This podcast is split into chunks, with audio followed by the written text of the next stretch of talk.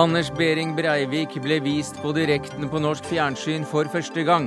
Overlevende reagerer svært forskjellig på bildene fra rettssalen og kommer til Dagsnytt 18. I ettermiddag leverte politiet sitt forslag til tiltale, men etterforskningen er langt fra ferdig. Ny rapport toner ned det biologiske prinsippet i barnevernet. Det liker Frp dårlig.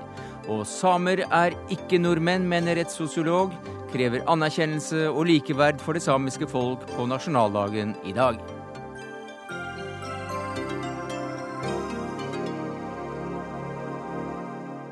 Ja, Det er noen av sakene i Dagsnytt 18 denne mandagen, der vi også markerer at Elisabeth, Elisabeth har hatt verdens gjeveste krone på seg i 60 år.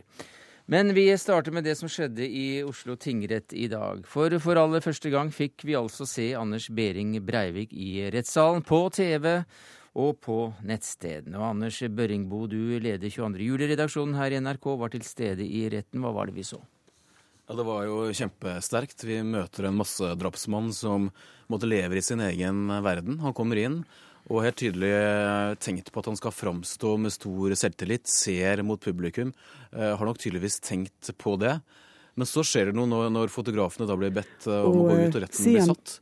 For da forsvinner da fotografene ut, og han får se de overlevende på benkeradene bak. Og da er han ikke like selvsikker i blikket lenger, og ser mer ned og rundt seg. Bildene fra retten eh, viser at han gjorde en slags hilsen. Hvordan er det tolket? Ja, Vi har funnet ut av dette i hans eh, manifest i dag. Det er en, eh, en hilsen han beskriver der som en, eh, en hilsen knyttet til denne eh, tempelridderordenen.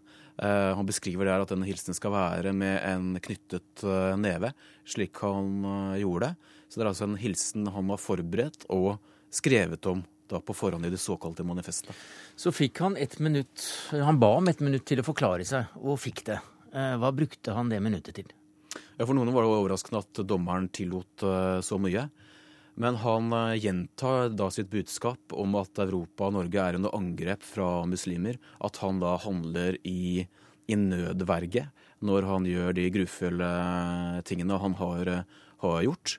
Og han ber seg da løslatt til slutt og ber også om at norske folk eh, takker han med krigskorset.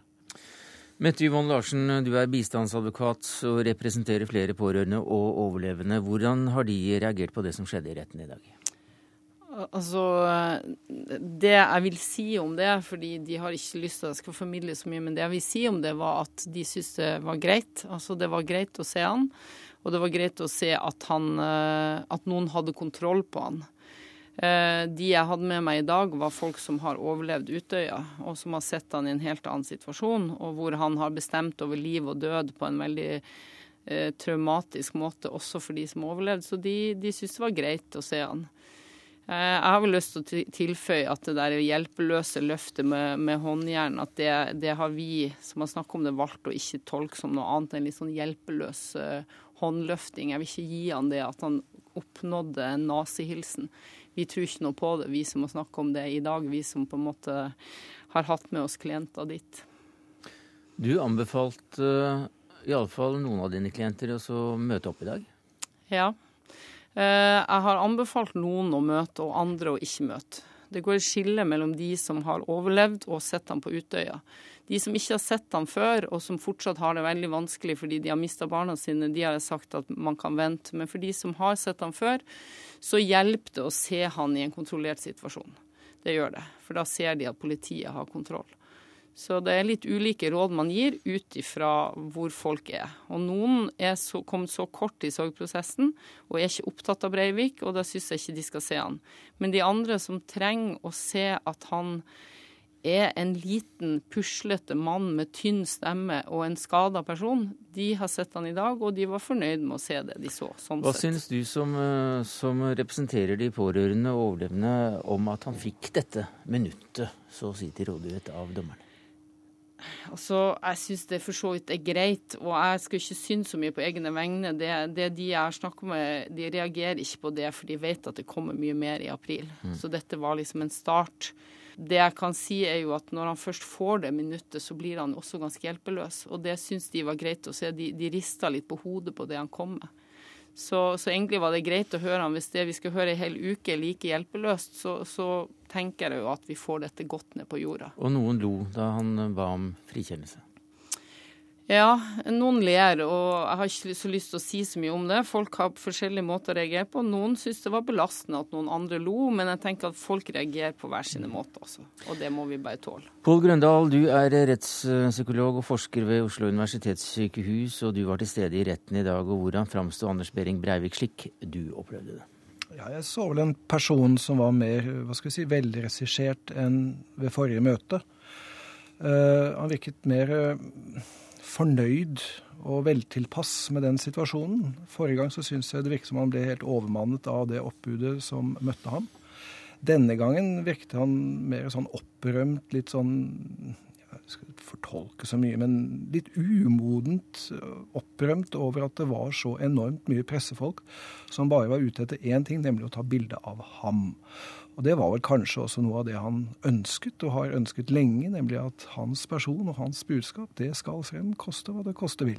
Men det er min fortolkning.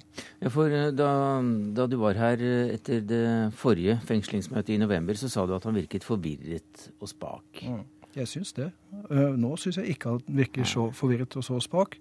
Men det er jo fortsatt til å være en person som nå kunne ha innøvet dette budskapet på en kraftfull måte over lang tid i fengslet forvaring, så er det jo ikke det er ikke med stor patos han fremfører sitt, eh, sitt store budskap. Jeg syns jo ikke det. Men det var atskillig mer samlet enn forrige gang, syns jeg nok. Og han fikk jo da dette minuttet, og han hadde jo da tydeligvis innordnet seg til rettens spilleregler, nemlig å fatte deg i korthet og ikke adressert til de pårørende. Andre refleksjoner du gjorde det? Nei, Jeg synes i grunnen at det er veldig vanskelig å fortolke mye ut ifra en så kort fengslingsmøte. Men det gjør altså Det gjør kanskje ikke, men en som da er satt til å gjøre det, det er jo Terje Tørrisen.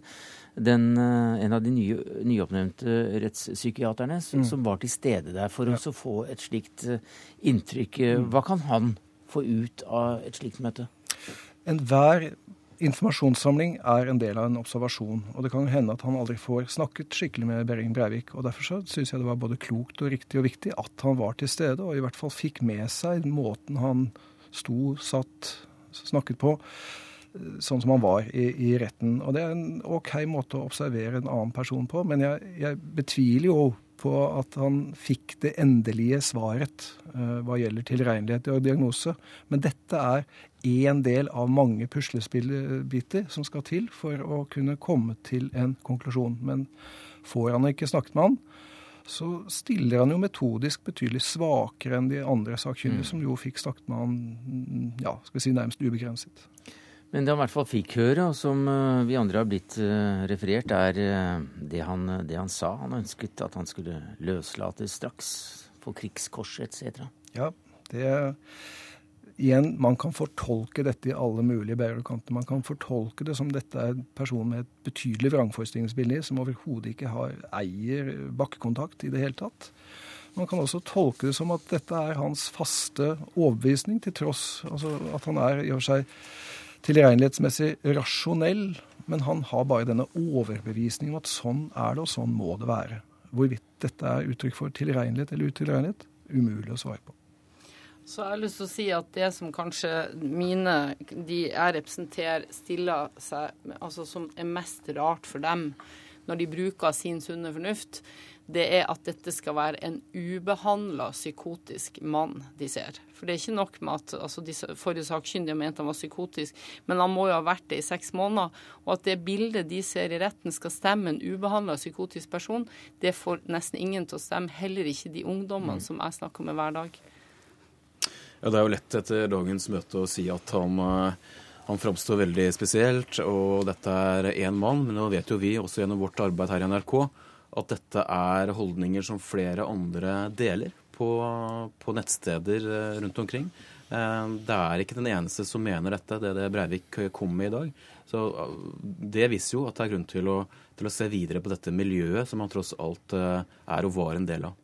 Takk skal du ha, Anders Børingbo, leder av 22. juli-redaksjonen her i NRK. Og til deg, Pål Grøndal, rettspsykolog og forsker ved Oslo universitetssykehus. Mette Johan Larsen, du får bli sittende litt til, for vi skal holde oss til nettopp dette fengslingsmøtet. For det var eh, ikke alle som, som møtte opp. Det var noen som valgte å holde seg langt unna. og En av dem var deg, Vegard Vennesland, nylig valgt til leder for Oslo AUF.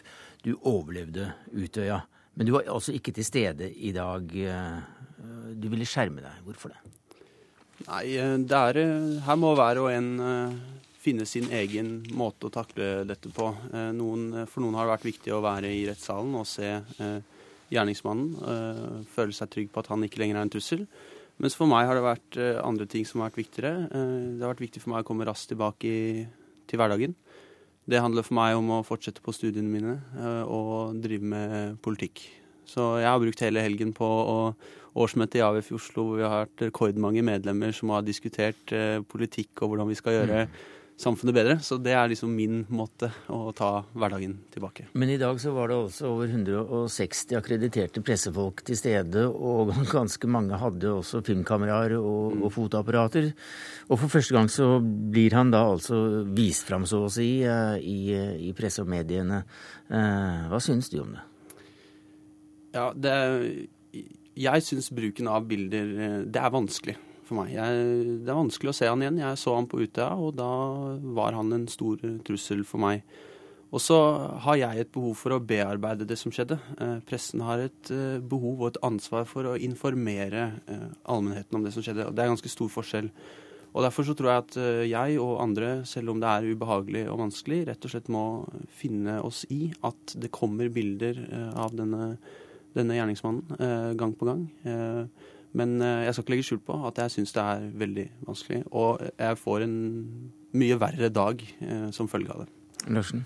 Ja, jeg skjønner det veldig godt. og jeg tenker sånn at Dine vurderinger høres helt riktig ut. Altså Noen, noen bør være der, og noen bør ikke være der. Altså det, det, det som er oss advokater sitt, eh, sitt ansvar, er jo å finne ut av hva er det denne personen trenger for å komme videre.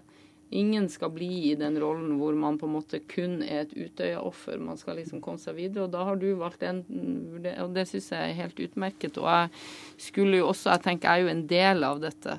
Eh, også hodet mitt fram i media. ikke sant? Det er sånn det blir. Men, det er ikke mulig å beskytte seg fra det. Men jeg tenker at jeg skjønner at på en måte hver gang du ser Breivik, så, så blir du satt tilbake. Og det er jo et tankekors. Adrian Prakon, du er fylkessekretær i Telemark AUF, og, du ble skutt og skadet på Utøya. Og ved forrige fengslingsmøte så var du i Oslo tingrett. I dag så har du fulgt med så godt du har kunnet for å følge med direkte på overføringene. Hvorfor har du, har du valgt å, å, logge deg på dette her i dag? Det er jo et veldig stort uh, informasjonsbehov man må få uh, avdekket. Uh, samtidig som det er ganske spørrende man stiller seg i forhold til hvordan denne saken blir håndtert videre. Eh, dette er en eh, sak som er eh, mye større enn de dimensjonene vi er vant med. og For oss som er direkte pårørt av det her, så er det ganske viktig å følge fremgangen inne i det. Jeg synes også medienes håndtering av det er slik det har vært i dag, riktig. Alt har kommet på bordet, slik at jeg som ikke ønsker å være i ved fengslingsmøtet, kan sitte hjemme og være like oppdatert uten å bli direkte berørt av det. Og hvordan var det å følge det på avstand, men følge det så tett du kunne på, ved å se på direkte på TV og følge med på nettet?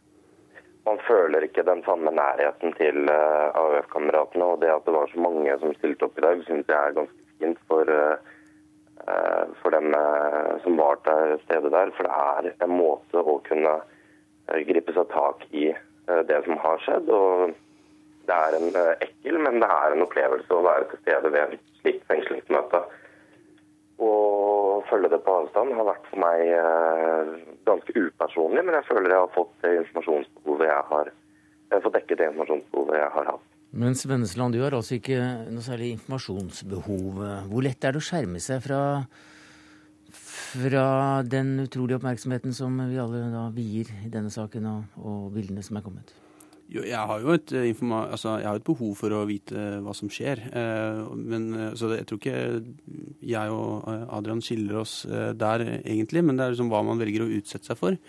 Er, jeg må gjøre det som er rett for meg, og så må andre AUF gjøre det som er rett for seg. Det er ingen enkel fasitsvar. Det er bare det som er rett for den enkelte. Og det er veldig viktig å, å spesifisere og, og, være helt tydelige på. Da. Men Eh, det er den andre siden av det. Det går ikke an å skjerme seg av det. Altså, vi er, veldig mange av oss som var der, er jo politisk interesserte mennesker. Og du skal jo ikke, altså, du skal ikke slå opp mer enn VG-nett eller mm. Dagbladet før du får det rett i, i fleisen. Da. Så det, det, er veldig veldig vanskelig å skjerme seg fra det. Men igjen, det, det blir ikke noe bedre når rettssaken starter i april. Så dette må vi lære oss å takle. Og Dermed virker det som om noe av, av temperaturen er gått ut av akkurat den debatten om bilder, ikke-bilder, eh, og, og måten mediene fremstiller det på? Ja, jeg tenker vel at det er både òg. Først har jeg lyst til å si at jeg tenker at det, det disse to gutta sier, viser den utfordringa vi har, vi profesjonelle aktørene. Du, noen tenker som deg, noen tenker som Adrian. Og vår jobb som bistandsadvokater blir å finne ut av hvor den enkelte er. Men når det gjelder dette med bildene, så er jeg ikke helt enig i at fordi at man i dag har streama og vist dem fram, så er det medias oppgave å vise oss alt på forhånd. Det er jeg overhodet ikke enig i. Jeg tenker at, eh, at det at, eh, at mine klienter i en forberedt situasjon noen vet at nå kommer han, det er noe annet enn å se han på forsida av Dagbladet eh, lørdag morgen når han sitter der sliten etter å ha massakrert 69. Det var veldig tøft for mm. mange å se han. Eh, og også det vi nå har fått eh, varsla om at vi kanskje kom bilder fra åstedet og sånn, det er en helt annen setting. Men er Dagbladet sånn... er ikke her, så den får nei, nei, eventuelt men, men poenget, poenget, er at liksom ja eller nei til bilder, det er ikke så enkelt. Det som har skjedd i dag, har vært regissert og styrt under et redaktøransvar, og noen har tatt seg av det. Det at noen på en måte serverer oss bildene hver dag uten at vi advokater får forberedt våre klienter på hva som kommer, det er noe helt annet. Takk skal du ha, Mette Yvonne Larsen, bistandsadvokat, til deg, Vegard Vennesland, leder i Oslo AUF, og til Adrian Prakon, fylkessekretær i Telemark AUF. Ja, det er 77 eh, ringpermer, 60 000 timer med videomateriale og 70 timer med avhør som eh, foreløpig ligger der som bakgrunn for eh, det politiets arbeid skal resultere i, nemlig en, en, et forslag til tiltale. Og Jon Roger Lund, du er etterforskningsleder ved Oslo-politiet. Og i dag så har dere levert en innstilling til tiltalen. Eh, hva går den ut på? Jo, altså, Jeg kan ikke gå i detalj på tiltalen, for eh, det er det våre jurister som, eh, som står for. De har jobba nå eh, dag og natt for å ha den på tiden i dag, mm. men leverte i dag klokken halv fire, som var tidsramma vi hadde satt opp til. Men det er klart at den er omfattende. og den er jo eh, bare et eh, forslag til tiltale for eh, statsadvokatene. Men det er også fire, over 400 personer som har meldt seg som fornærmet. Mm. Ja, altså det er jo i, i, regjeringskvartalet så er det 430 ca. som har meldt seg som, som fornærma. I regjeringskvartalet? I regjeringskvartalet, ja. Og ellers? På Utøya har vi jo 495 avhørt som fornærma. Og hvordan forholder tiltalen seg til dette store antallet? Det er klart at eh, det er det ikke lagt siste handa på verket på, i forhold til at jeg kan ikke gå inn på hvem som er med og ikke med. Men, eh, men eh, tiltalen har med seg mange av de, de, de som har vært utsatt for, for for eh, siktede ute på Utøya. Men hvorfor er ordvalget så viktig i denne tiltalen når, eh, når den siktede da allerede har tilstått eh, selve handlingene? Ja, nå er jo Tiltalen skal jo på en måte belyse saken eh, så godt som mulig. Og det er også sånn at det er statsadvokatene som legger siste hånd på verket. Eh, og derfor er det litt eh, Det kan komme flere etterforskningsskritt nå Eh, som de gir oss for å få en helt komplett tiltale. Så etterforskningen er ikke ferdig? Som, Den er overhodet ikke ferdig. Hva er det som gjenstår? Der gjenstår det en god del ting. Sosiale medier. Vi har en god del opp mot vitneavhør og beslag. Men eh, som man også vet, altså far i Frankrike er enda ikke avhørt. Men eh, vi har eh, en stor analysejobb som enda pågår. Og så vil jeg også nevne det at vi også ønsker å imøtekomme ønsker som kommer fra de fornærmede og pårørende opp mot å kunne serve også dem under, under rettssaken. Og det vil si? Det vil si at politiet stiller til rådighet mannskaper for å, å, kunne for det første forberede dem på hva som kommer. Men dette skjer jo da i samhandling med statsadvokaten. Noe av det viktigste som, som dere tok fatt på med en gang dere tok gjerningsmannen, mm. det var å, å få klarhet i om han var alene. Mm. Hva sier du til det i dag? Ja, altså Så langt og i dag, 6.2.2012, så er det ingen uh, ting i etterforskningsmaterialet som sier at han har vært sammen med andre. Etterforskes det fremdeles? Det etterforskes fremdeles, men som jeg sier, det er ingenting som har gitt oss eh, pekepinn på at eh, han har hatt sammen, eh, andre sammen med seg. Dere har sendt en forespørsel til USA som dere ikke har fått svar på. Hva går den ut på? Ja, jeg kan ikke gå i detalj på det, for jeg vet ikke om myndighetene der borte har fått den i hende. Men det står på nettsidene at dere så er skjedd, så du kan vel si omtrent hva den går ut på? Ja, da, altså jeg kan ikke gå i detalj på den, men den er ganske omfattende, og det er noe av det som vi eh, selvfølgelig må ha for å belyse saken best mulig. Men går det på, går det på om han var alene, eller går det på hans uh, historie? Går det på pengespørsmål? Hva går det på? Ja, jeg kan jo si det at uh, uten Jeg vil helst ikke gå inn på det, men, men at det går på historien og, og, økonomi, det er kjent i media fra tidligere. Takk skal du ha, Jon Roger Lund, etterforskningsleder ved Oslo politikammer. 163 eh, journalister hadde også adgang til tinghuset i dag. 100 etterlatte og pårørende likeså. Sorenskriveren mente at dette kunne anses som en slags generalprøve. Anders eh, Giæver, som VG-kommentator så følger du dette tett, og du var i rettssalen også i dag. Eh, hva synes du om dagens møte i rettssal 828 i Oslo tinghus? Nei, det var, det var, spesielt. Han var tydeligvis veldig godt forberedt. Og, og jeg vil si innøvd i måten han skulle opptre på, og hva han skulle si og hvordan han skulle gjøre det. Han Virka veldig kontrollert. Samtidig så opplevde jeg at han ble eh, ganske punktert da flere av AUF-erne som var til stede, begynte å le av han eh, når han leste høyt fra disse, sitt politiske manifest. Og um, du fikk en situasjon der hvor hvor han på en måte ble en litt sånn nerdete gutt som leser om sine ridderdrømmer, en skolestil høyt, og jentene i klassen ler han. Det var noe veldig stakkarslig over det. Hvordan uh, var utviklingen i den uh, tiden du så ham, fra han kom inn og til, til det var over? Den var jo ganske konstant. Og det, og det, er jo, det, er jo, noe av det med, med Gåten Breivik. Han har jo, så vidt jeg har skjønt, vært sånn siden omtrent det øyeblikket han ble arrestert på Utøya. Eh, og fram til nå. Han eh, terper på disse eh, tesene sine fra manifestet om multikulturell okkupasjon av landet, og at han er en ridder og motstandskamp og i det hele tatt. Han viser Det er jo selvfølgelig skremmende å se et menneske som har begått slike bestialiteter, og ikke viser noe tegn til å være påvirket av det i det hele tatt. Ingen empati eller forståelse for at han her sitter i et rom med mennesker han har eh, ødelagt eh, livet for, og livene til eh, deres kjære. Og mm, han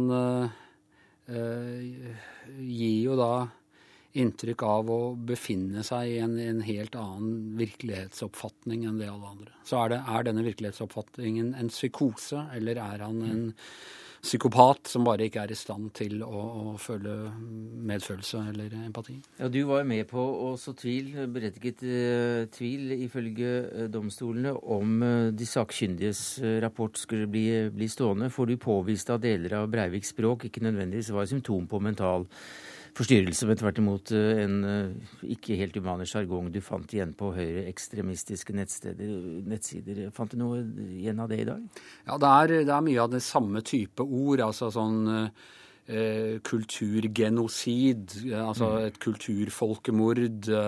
Han, han, setter sammen den type ord i, i veldig stor grad, og, og han har da dette prosjektet sitt som som han har presentert for de sakkyndige, som de har kalt en neologisme, altså et ny, nyord. men som jeg da mener at du, at du finner andre steder, som er da nasjonaldarwinisme. Man, man, må gjøre det de sterkeste folket og, og, landene som overlever, hvis de er villige til å gjøre brutale anslag mot det som truer dem. I dag fikk vi altså sett han, vi som ikke er til stede i, i rettssalen, for første gang i rettssalen via fjernsynet og nettstedene. Hva syns du om det? Jeg tror at det er Vi må gjennom et uh, en fase med avmystifisering av Anders Behring Breivik. Han har vært holdt isolert. Disse forferdelige forbrytelsene hans gir ham en nesten mytisk preg. jeg tror at i dag ble da en veldig spesiell dag fordi det er første gang man folk flest får se ham, se hvordan han gestalterer og, og oppfører seg. Eh, etter hvert som rettssaken har gått en stund, så vil eh, all den delen av det fjernes, og han vil havne ned på det nivået som jeg følte at han havnet litt i dag, mm -hmm. da AUF-erne lo av ham. Nei, for ellers så er det jo en, en dramaturgi i, i, dagens seanse som ikke er helt lett å, å la være å få en litt vond smak i munnen av for mange. For det bygges jo opp en slags forventning, ikke minst med at dommeren ba da at tiltalte ble ført til, men så gikk det et par minutter, og, og fjernsynskommentatorene måtte inn og småsnakke litt. Uh, altså Forventning er jo noe positivladet, mens, uh, som man kan føle før Jagland åpner døren for å fortelle hva, hvem som har vunnet fredsprisen, eller hvem som er meldt på Gratishaugen ved andre anledninger. Her er det overhodet ikke noe positivt, men allikevel så bygges en forventning opp. Eh, hvordan kjentes det ut da, der du satt? Ja, det var, eh, det var, jo litt kaotisk, fordi det var da en stappfull rettssal med mange fotografer som da hadde halvannet minutt på seg til å, mm. Eh, til å ta de bildene. Jeg tror det er vanskelig å unngå. altså jeg skjønner, jeg skjønner hva du snakker om. Jeg ser at mange reagerer på det.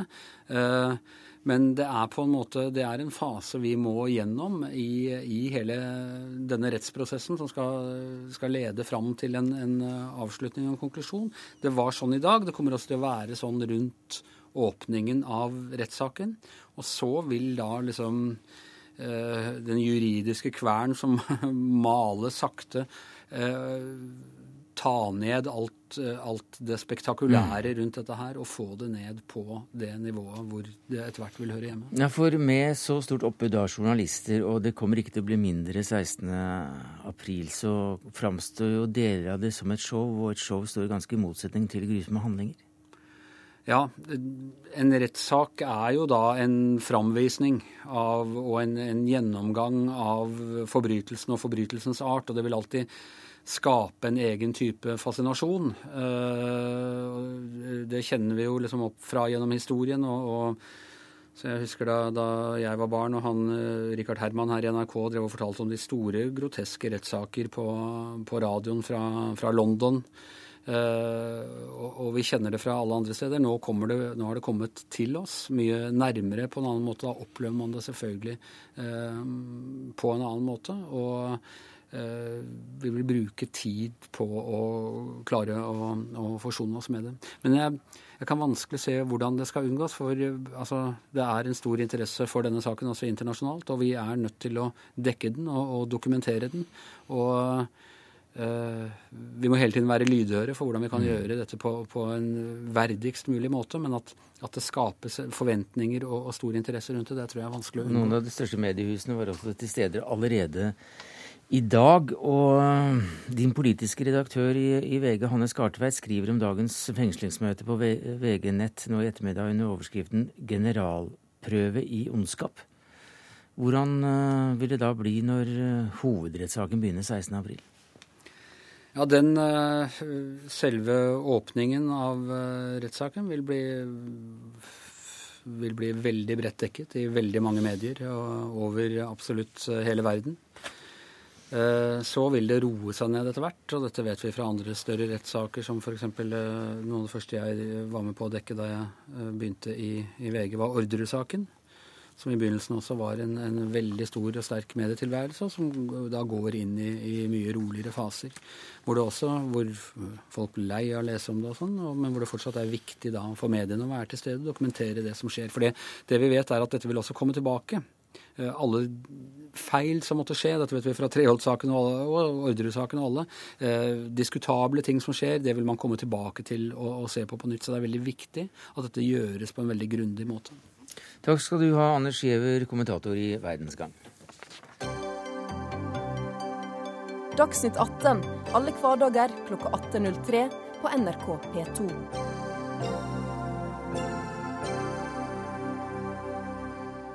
I dag la Raundalen-utvalget fram sine anbefalinger om endringer i barnevernet. Annet toner utvalget ned det biologiske prinsippet. Og hva betyr det, barnepsykolog og leder for utvalget, Magne Raundalen? Eh, det betyr bl.a. at vi har lansert et nytt prinsipp, som vi gjerne kunne kalle et konkurrerende, men et hakk over det biologiske prinsippet. Vi har jo fra tidligere barns beste. Det er jo det overordnede prinsippet, og det er formulert både i barnevernloven og i Barnekonvensjonen at vi skal ta hensyn til barn best, barns beste. Det kunne for så vidt ha styrt det biologiske prinsipp, men vi har ønsket å gå dypere inn på det faglige, på det barnepsykologiske, for det dreier seg jo om helseskader og utviklingsskader, som det står i barnevernloven, som vi skal beskytte barn mot. Og da har vi da lansert det utviklingsstøttende tilknytningsprinsippet. Hva er det? Det handler om det mest vesentlige i et eh, barns utvikling. Det som han nettopp har startet på Lille Lysbakken. Eh, som handler om samspill og interaksjon med voksne mennesker. Som eh, er styrt av genetikken hos barnet, og som gjør at det blir knyttet til personer og knytter til det menneskelige og tar opp i seg dette. Samtidig så vet vi at hjernen, hjernen blir bygget. Den blir bygget utviklet dag for dag. og det er snakk om 250 000 nye koblinger i timen i den interaksjonsprosessen. Dette er det helt essensielle og det mest banebrytende fra psykologisk forskning. Det er det vi skal beskytte når vi da lager en NOU som heter 'Bedre beskyttelse av barns utvikling'. Så det betyr altså at uh, hvor nært du er i slekt, så å si, skal tones ned. Nå betyr det mye mer hvem som påvirker din uh, utvikling. Ja, og det har vi jo visst Positivt. ganske lenge, for vi har visst at babyen visste ikke hvor nær han var i slekt. Hva syns du om det, barneminister Audun eh, Lysbakken? Det er jo jeg som har bedt om dette utvalget, og det har jeg gjort fordi uh, når jeg begynte å reise rundt i barnevernet uh, for to og et halvt år siden, da jeg ble barneminister, så møtte jeg veldig ofte påstander om at terskelen for å gripe inn er for høy. At barnevernet noen ganger blir for mye foreldrevern. At det å legge barnets beste til grunn noen ganger blir vanskelig fordi eh, det skal legges så sterk vekt på biologiske bånd. Det er jo en veldig kontroversiell, vanskelig debatt. Det berører noen grunnleggende verdier i vårt samfunn. Eh, og det er ikke enkle svar. Men jeg mener at vi skylder de barna som eh, lever under vanskelige forhold, å ta den debatten. Eh, derfor har jeg bedt om dette utvalget. Det er veldig eh, imponerende synes jeg, at Magne Raundalen har ledet et utvalg som har kommet med en enstemmig innstilling. Og de eh, foreslår også ganske betydelige endringer i, i måten vi, vi, driver barnevernet vårt på. Og jeg opplever vel at det spørsmålet jeg stilte, nemlig blir det sånn at vi noen ganger tar for lite hensyn til barnet, for mye eh, hensyn til foreldrene. Det svarer utvalget ja på. Og det er klart at er det sånn, så er det veldig alvorlig og noe vi må gjøre noe med. Solveig Horne, du er første nestleder i familie- og kulturkomiteen på Stortinget og representerer Frp, et parti som tradisjonelt har eh, ikke vært så opptatt av utviklingsstøttede tilknytningsprinsipper, eh, hvis det i det hele tatt er nevnt, som det biologiske prinsippet. Hva tenker du om det som er skjedd i dag? La meg først og fremst få lov til å si at det er veldig mye bra i denne rapporten som Fremskrittspartiet er veldig enig i, og at det er viktig at vi har barns beste og ikke minst eh, rettssikkerheten til barna, at vi ivaretar den. Så er det sant som du sier, at eh, Fremskrittspartiet har hele veien vært veldig skeptiske til å svekke det biologiske prinsippet.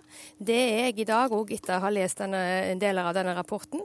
For det at jeg er redd for det at barnevernet får litt for mye makt. At utvalget på en måte begrunner det med at de stoler 100% på at barnevernet sine vurderinger er de aller rette. Vi skal òg være klar over det at eh, det å gripe inn i familien og ta barna ut av familien er det mest inngripende du kan gjøre, og da må vi være så sikre på at det er det rette å gjøre. Mm, er det ikke slik Lysbakken, at man eh, overlater eh, mer til barnevernet med dette nye prinsippet enn det gamle? Det er sånn at uh, Hvis uh, vi gjør det utvalget foreslår, så vil barnevernet i uh, en del situasjoner få mulighet til å pålegge tiltak som de ikke kan gjøre i dag. Og terskelen for å kunne gå inn og ta over omsorg, eller for hvor mange ganger et barns situasjon skal prøves på nytt igjen, kan endres. Og Det er klart at det er, det er betydelige endringer. Men jeg mener det er grunnlag for uh, å spørre om vi klarer å hjelpe barna raskt nok i dag. Uh, om det er sånn at uh, hensyn til biologi noen ganger mm. veies for tungt. Det betyr ikke at vi ikke skal ha et biologisk prinsipp, men det er spørsmål om vekti, vektingen av de mm. ulike prinsippene mot barna. Men jeg har lyst til å spørre Lysbakken om én ting. For meg og Lysbakken har vært veldig enige i det at vi skal bruke nær familie og slekt i mye større grad som fosterfamilier. Men med det hvis at Lysbakken følger denne, denne prinsippet her, så vil det si at han går vekk fra det som han har sagt hele veien. For vi er jo klar over, og, rapporten òg sier, at den biologiske familien er viktig. Og jeg savner det at vi heller har en debatt om hvor ofte blir besteforeldre bort, hvor ofte blir tanter og onkler, og kanskje er det òg, bare for å ta et eksempel, en far som er oppegående bak en mor som mister omsorgen. At vi òg ser på det aspektet inn i den biologiske debatten som vi nå får. Det er en litt annen debatt, fordi det handler om hvor vi skal lete etter fosterhjem hvis man har en omsorgsovertagelse. Og for de fleste barn så er det klokt å se i de nettverkene barna allerede har. Dette vil ikke endre noe på det. Eh, her er spørsmål om i, hvor stor grad vi skal, eh, hvor vi skal legge terskelen eh, for, å, for, at barnevernet skal kunne gå inn med ulike typer mm. tiltak. Her snakker vi ikke bare om, om omsorgsovertagelse.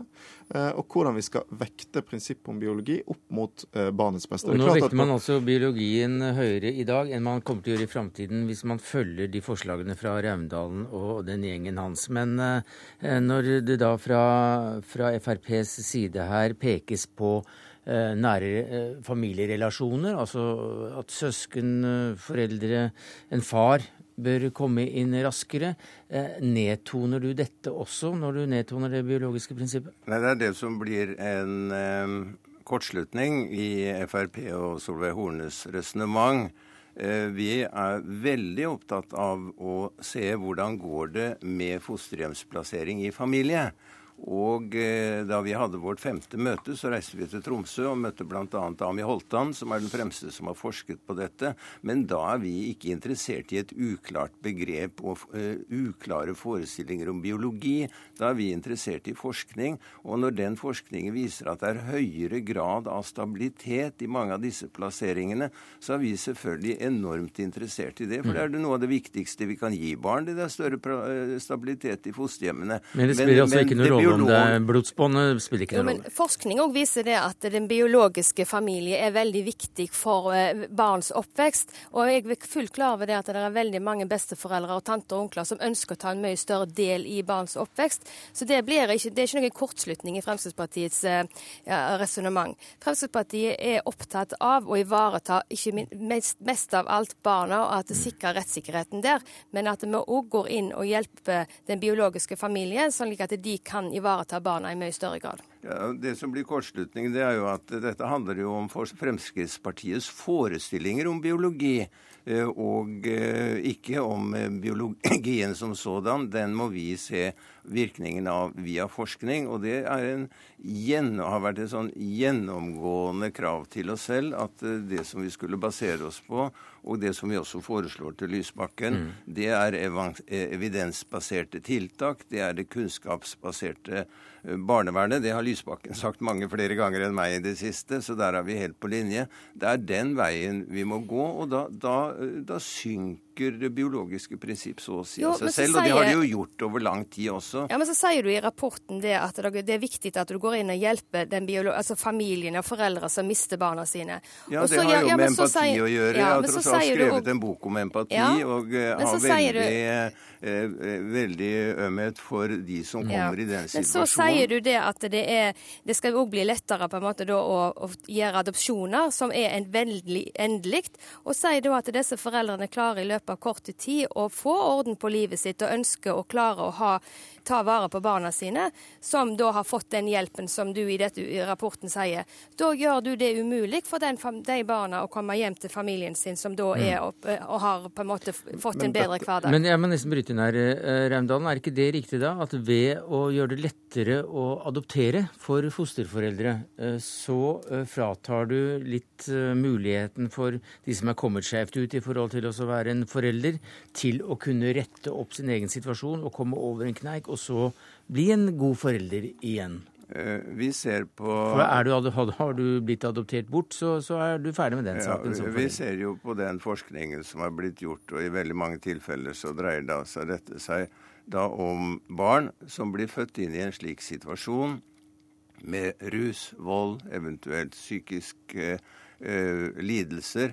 Og etter ett år så kan man med all sunn fornuft si at her er ikke noen framtidsutsikter. Og så kommer forskerne til oss og sier at de barna som da blir adoptert, og får et mye mer stabilt oppvekstmiljø, de går det mye bedre med. Og så kommer statistikken og sier at barnevernets barn, dessverre det er en kjempeprosent av de som, kommer til, som eh, sakker akterut i utdanningsløpet. Mm. Det mest dramatiske som kan skje med et barn en ungdom. Så vi må, vi må, se på, vi må bruke det og ikke vage, løse forestillinger om biologi.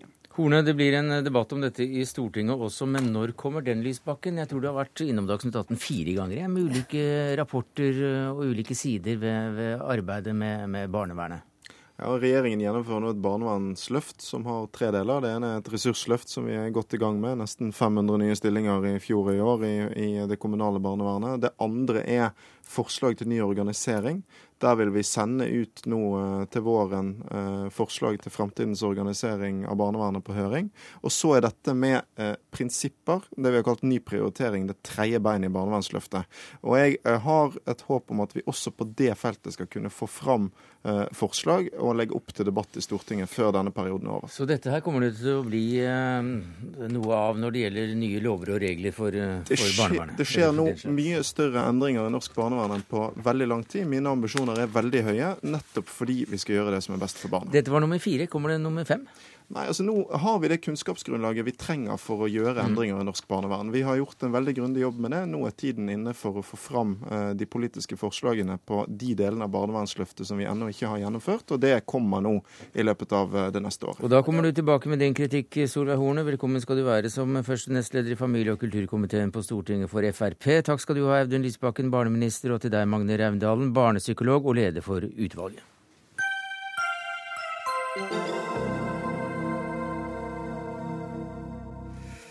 I dag er det samefolkets dag. Eh, gratulerer med dagen til de om lag 100 000 samene, hvorav ca. 40 000 bor i eh, Norge. Og en av dem eh, er eh, deg, Hadi Lille. Du er doktor i rettssosiologi. Hva er det vi feirer i dag? Ja, I dag så feirer vi samefolkets dag. Og det var i 1917, 6. februar 1917, så, så, så var det den første store mm, altså, internasjonale samekonferansen i Trondheim. Og det var en kvinne som het Elsa Laula Renberg, som tok eh, initiativ for det her. Eller hun var leder for eh, eh, Brurskarskan samiske forening. Så, så det var dem som Det var faktisk en kvinne som er bak det her. Men du har da tatt eh, doktorgraden og forsket på holdninger eh, som eh, andre har til, eh, til samene her i landet. Nordmenn snubler i inkluderingen av det samiske folk og utøver kulturell arroganse, skriver du i Dagsavisen eh, i dag. Hva mener du med det? Jeg sa det vel ikke akkurat på den måten, men, eh, men jeg mente Sa, det. sa du har jo skrevet noe som lignet Ja, men det, det er nok ganske riktig. Det, Ja. det jeg mener, det er at jeg, Eller det starta med et spørsmål til, til lærere. 190 lærere i skolen har spurt en påstand. Jeg sa at det samiske folk er en del av det norske folk. Er du enig eller uenig? Eh, og kongen åpna Sametinget i 97, og da sa han at Norge er basert på territoriet til to folk, samer og nordmenn. Og det samiske folk, hvis man snakker om det, det samiske folk, så er det fordelt mellom fire land. Eh, Sverige, Finland, Norge og Russland.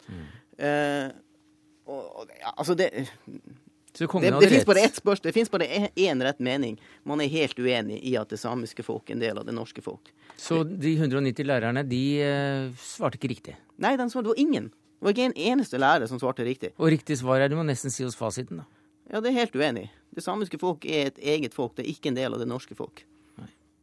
Så, og jeg mener, det, så var jo spørsmålet hvorfor svarte de da eh, helt enig at de mente at det samiske folk var en del av det norske folk. Og da da var det noe, De fleste lærerne var kanskje de var den oppfatninga at det, sam, det, norske folk var det samme som norsk statsborgerskap. Eh, og, og, man klarte ikke å skille mellom de to tingene.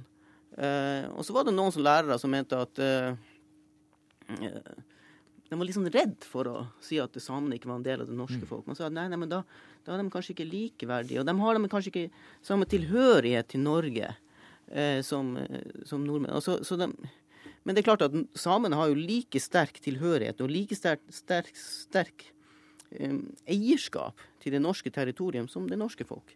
Minst, som du skriver i Dagsavisen i dag. Ja. Karsten Smith, du er pensjonert høyesterettsjustitiarius blant mye annet, og første leder av Samerettsutvalget. Kjenner du igjen disse holdningene som vi får beskrevet her? Å ja. Eh, ja, det vil jeg si. Mm. I høy grad. Og først og fremst eh, dette med kunnskapsmangel innenfor store deler av eh, folk her i landet om, eh, om det samiske folk og samisk kultur, og om forholdet mellom samer og nordmenn. Ja, hva er det vi, eh, hva er det vi, hvor er det vi bommer mest? Hvor er det vi mangler mest kunnskap her? Ja, vi Jeg, jeg syns det er veldig godt da Hadi eh, tok utgangspunkt i denne formulering som eh, kongen eh, ga en gang. Mm. Og som han sa krystallklart dette at altså staten, vår stat, den norske stat, Norge, er dannet på territoriet til to folk. Nordmenn og samer. Som altså to likeverdige folk fra statsdannelsen av. Eh, vel, nå i store deler av landet så er det jo så få samer som er bosatt. Og det er vel sterkt medvirkende til at ganske enkelt kunnskapsmangelen mm. er så stor. Men jeg syns det er et, et, et fin undersøkelse eh, som uh, Hadi her har foretatt. Og, men, men hvilke viktige dilemmaer er det da en, en stat som den norske staten ja. står, står midt oppi når den skal Eh, vurdere politiske rettigheter, tiltak, lover og regler for, eh, for en urbefolkning eh, som jo da samene er, og som du sto midt oppe i i ditt arbeid for å lage lover og regler om ja. den slags. Hvilke, ja. hvilke, dilemmaer er det du, du fant der?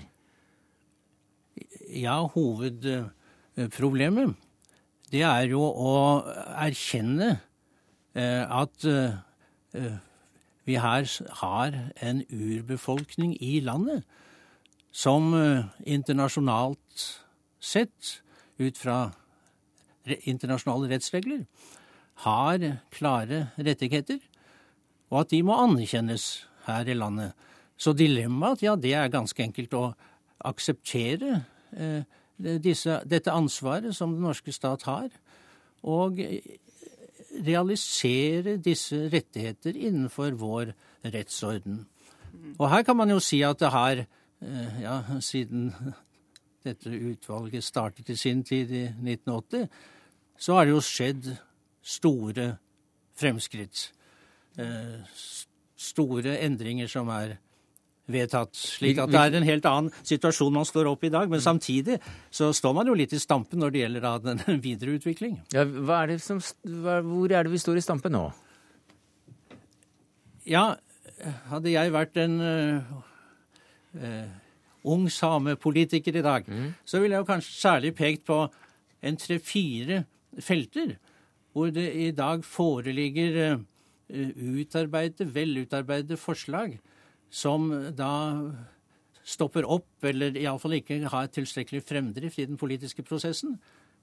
Hvis jeg mm. har tid til å nevne noen. Ja, så vil jeg si at uh, det er utarbeidet forslag til en felles nordisk samekonvensjon, mm. som skulle lage felles rettsregler for samene i de fire land som uh, Hadi her nevnte.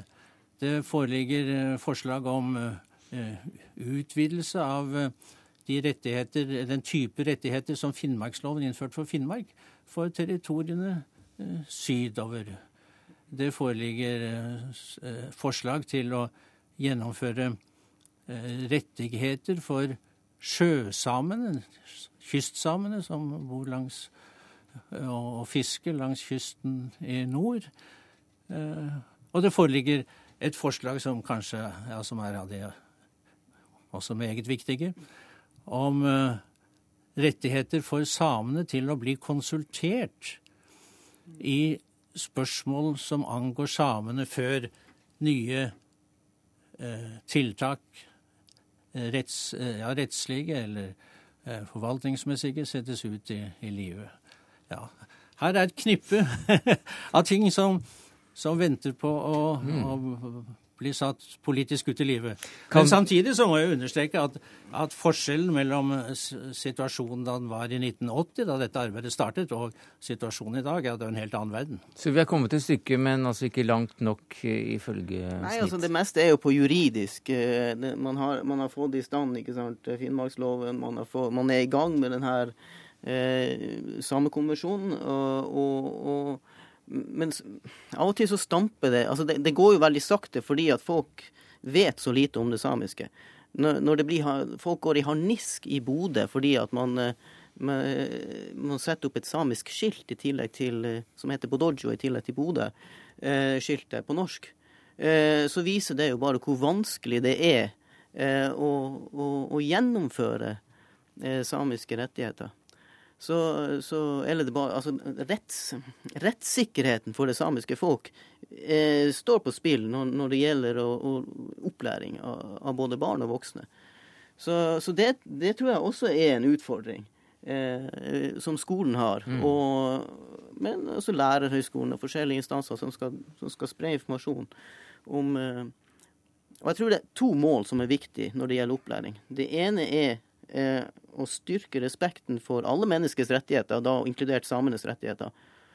Og eh, også det her med at man skal bekjempe intoleranse og fremme hold, altså gode holdninger som forståelse. og hvis, uh, hvis, jeg takker av deg, Hadi Lille, og, og deg, Karsten Smith, med å si eh, Liku beivin, hva, hva, hva, betyr det da?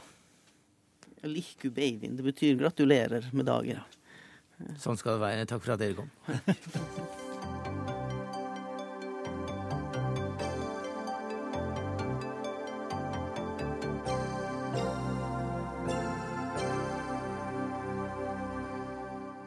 Ja, Til lykke med dagen avsluttet vi også samesaken med, og det samme kan vi vel si om, uh, om dronningen av Storbritannia. For i dag så er det faktisk 60 år siden uh, kong Georg den uh, sjette døde. Datteren Elisabeth ble dronning av Storbritannia i en alder av 25, eller var det 26 år. Og slik hørtes det ut da hun ble kronet.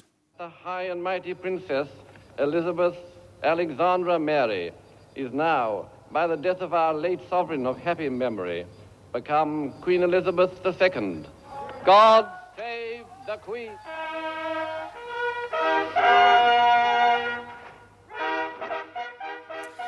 Anette Groth, du er utenriksmedarbeider her i NRK, leder eh, Urix på norsk fjernsyn NRK2, og du var NRKs korrespondent i London i eh, mange år. Hvordan ble Elisabeth mottatt som dronning i en alder av, var det da, hun var 25 år ja. gammel, hun, dette var i februar, og hun ble 26 i april. Mm.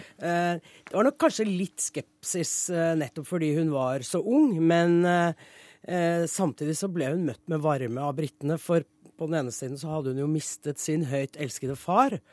Og, på, og, for det andre så hadde jo denne småbarnsmoren nå fått et voldsomt ansvar på sine skuldre. Og det ansvaret tok hun på strak arm, og det har hun blitt respektert for i alle disse 60 årene. Hun fikk altså nyheten i Kenya? Ja, hun gjorde det. Hun var på tur med sin mann prins Philip, og historien forteller at hun sov oppi en hytte, oppi et tre. Hun, hun var altså på en rundreise i deler av det britiske samveldet. Og, og da, eh, oppi denne hytta, fikk hun eh, meldingen om at faren hennes var død. Så hun eh, våknet i en hytte og var plutselig dronning? Ja, og det må jo ha vært ganske overveldende, selv om det nok ikke var helt uventet, fordi at Georg 6. hadde jo relativt dårlig helse. Da. Hvordan eh, har hun eh, vært som, som monark? Hun har eh, vært en veldig høyt respektert leder. Hun har én ledestjerne, og det er plikt. Og den har hun fulgt. Og det har vært eh, utrolig viktig for henne å gjøre sin plikt. Og det er klart at hun har hatt en verdighet. Hun har vært ganske distansert i forhold til kongelige som vi ser nå om dagen. Men eh, hun har vært respektert. og kanskje nesten elsket, iallfall i de senere årene. Det er litt stort ord eh, for henne, kanskje, men eh, iallfall høyt respektert. Og, og, veldig beundret for den ordentlige måten hun utfører dette vervet på. Men det er ikke alle som har vært innom kongehuset som har eh, vært like begeistret, har vi lest. Hun har hatt sine oppgjør med, med diverse svigerdøtre, f.eks.? Ja, og det er klart at det har jo vært veldig mye bråk de senere årene med disse barna og deres eh, ektefeller og skilsmisser og utroskap og bøker og fjernsynsprogrammer og alt mulig. Men gjennom alt dette så har hun på en måte vært eh, det solide klippen eh, for alle. Men det er klart at en, en kvinne som Diana, hun hun ble vel ikke akkurat omfavnet og behandlet kjærlig av sin svigermor. Og det er kanskje den eneste ripen eh, dronning Elisabeth har i lakken. Det er den hun fikk da Diana ble drept i denne bilulykken i Paris. Fordi at da isolerte dronningen eh, seg med familien oppe på Balmoral slottet i Skottland. Og sa ingenting om Diana, som jo britene elsket mm. høyt. Til slutt så kom hun ut og holdt tale til folket på TV. Um, men det, det, er opplagt uh, ikke så enkelt hvis du er en ganske relativt vanlig kvinne da, å komme inn i den familien. Vi er vant til debatter om kongehuset. Nå går tiden vår ut om 30 sekunder. Anette Groth. Men uh, hvordan ser britene på kongehuset framover? Er det en attergløyme som bare bør kvittes, man bør kvitte seg med, eller kommer det til å fortsette? Nei, jeg tror det kommer til å fortsette. Mange av dem vil gjerne hoppe over Charles og gå rett på William. Men uh, bortsett fra det så tror jeg at uh, de sitter godt fast ennå. Det var det vi rakk eh, i dag, Anette Groth, utenriksmedarbeider i NRK. Takk skal du ha. Takket være ansvarlig for det hele, Dag Dørum. Det tekniske ansvaret hadde Karl Johan Rimstad. Jeg heter Sverre Tom Radøy.